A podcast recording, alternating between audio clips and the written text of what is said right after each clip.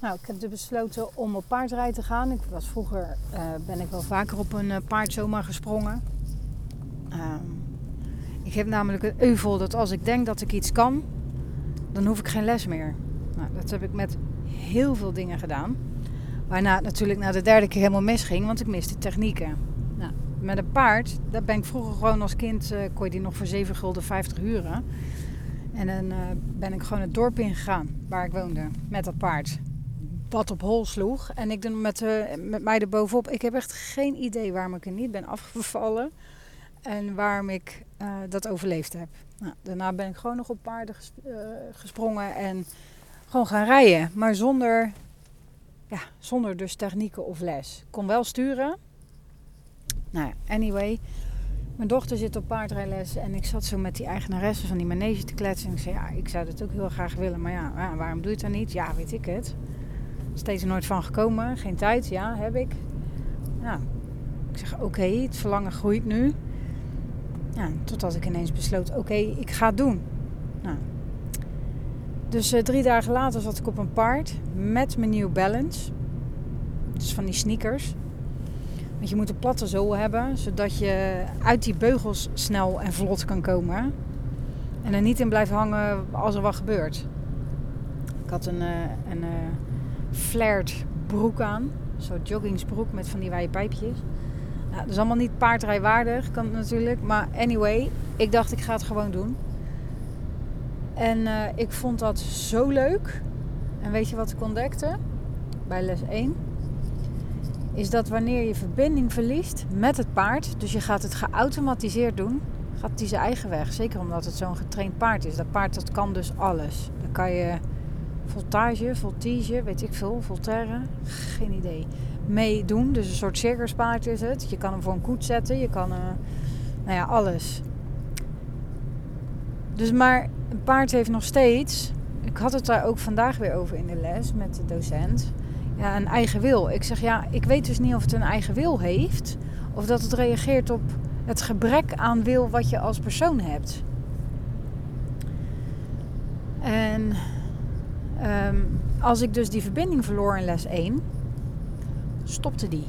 Of hij ging de andere kant op. Hij denkt, ja, ik heb helemaal geen zin om zo te lopen. Dus zijn, je hebt dus blijkbaar bij paardrijden, als je op een paard zit, heb je dus een favoriete kant waar je in een rondje rijdt. Nou, bij mij is dat rechts. Maar van paard is dat links. Dus midden in een rondje, precies steeds op dezelfde plek, besloot hij om te stoppen en om te draaien. Ja, toen moest ik ineens mijn wil gaan bepalen uh, en welke richting we opgingen. En waren rondjes aan het lopen en ze zegt: ga maar eens draven. Ja, dus wat gebeurt er? Nou, echt. Ik zeg: hoe moet dat? Ja, ze zegt: je moet, je moet gaan staan. Dus ik ga staan, flop, schieten mijn voeten naar voren. Dus zit ik. Dat is dus niet goed. Ik zeg, uh, ja, ze zegt, je moet recht omhoog. Nou, dat, ik denk dat het me wel een kwartier heeft gekost om recht omhoog te kunnen. Vervolgens ga ik recht omhoog. En ja, dan heb je nog meer dingen te doen. Want waarom blijf ik stuiteren op dat zadel? Echt gewoon klets, klets, klets, klets. Ja, dat is voor het paard niet fijn, maar voor mij ook niet. Je krijgt iedere keer een klap. Um, dus toen moest ik even uitvogelen. Ze zegt, ja, ik doe het al zo lang, ik weet het niet meer. Ja, hallo. Oké. Toen heb ik ontdekt, exact ontdekt welke spiergroepen je moet gebruiken. Want ik heb een hele sterke verbinding met mijn lichaam, dus ik kan dat voelen. Welke uh, spiergroepen je moet gebruiken om te kunnen draven. Daarna heb ik exact uitgevonden hoe ik dus moest blijven zitten. Want wat er dan gebeurt, ik heb die balans nog niet. Dus als ik iets te veel naar voren hel, dan kukel ik naar voren. Ja, ook niet handig. Ik moet gewoon blijven staan. Oh, dat was zo interessant. Nou, anyway, ik heb zes dagen spierpijn gehad. Aan de binnenkant van mijn benen, ja ja. En ik, ondertussen heb ik les 2 gehad. En toen kwam ik erachter dat ik mijn balans op een hele bijzondere manier zoek. Dus in plaats van dat ik de balans in de lengte met mijn benen zoek, zoek ik hem met mijn armen. Waardoor ik nu twee blaren heb, omdat ik steeds het zadel vasthoud. En energetisch gezien, want je moet echt het leiderschap hebben, want anders red je het niet op een paard. Het gaat gewoon niet. Het paard loopt een lo neemt een loopje met je, hoe getraind het paard ook is. Maar aangezien um, ik niet zo dan ben van de wilskracht en het paard overroelen. Want dan zit je alleen maar met frustratie op dat paard. Wil ik dat doen, wat er ook op mijn website staat, wat ik ook uitdraag, en dat is zachte kracht. Maar hoe werkt dan zachte kracht? Nou, dat heb ik dus ontdekt. En het is zo mooi, want aan het paard, paardrijden, um, het, het gaat dus helemaal over die verbinding met jezelf maken en die balans zoeken en richting bepalen. En als je gaat kijken naar het energetische en wat ik mensen leer, gaat het exact daarover.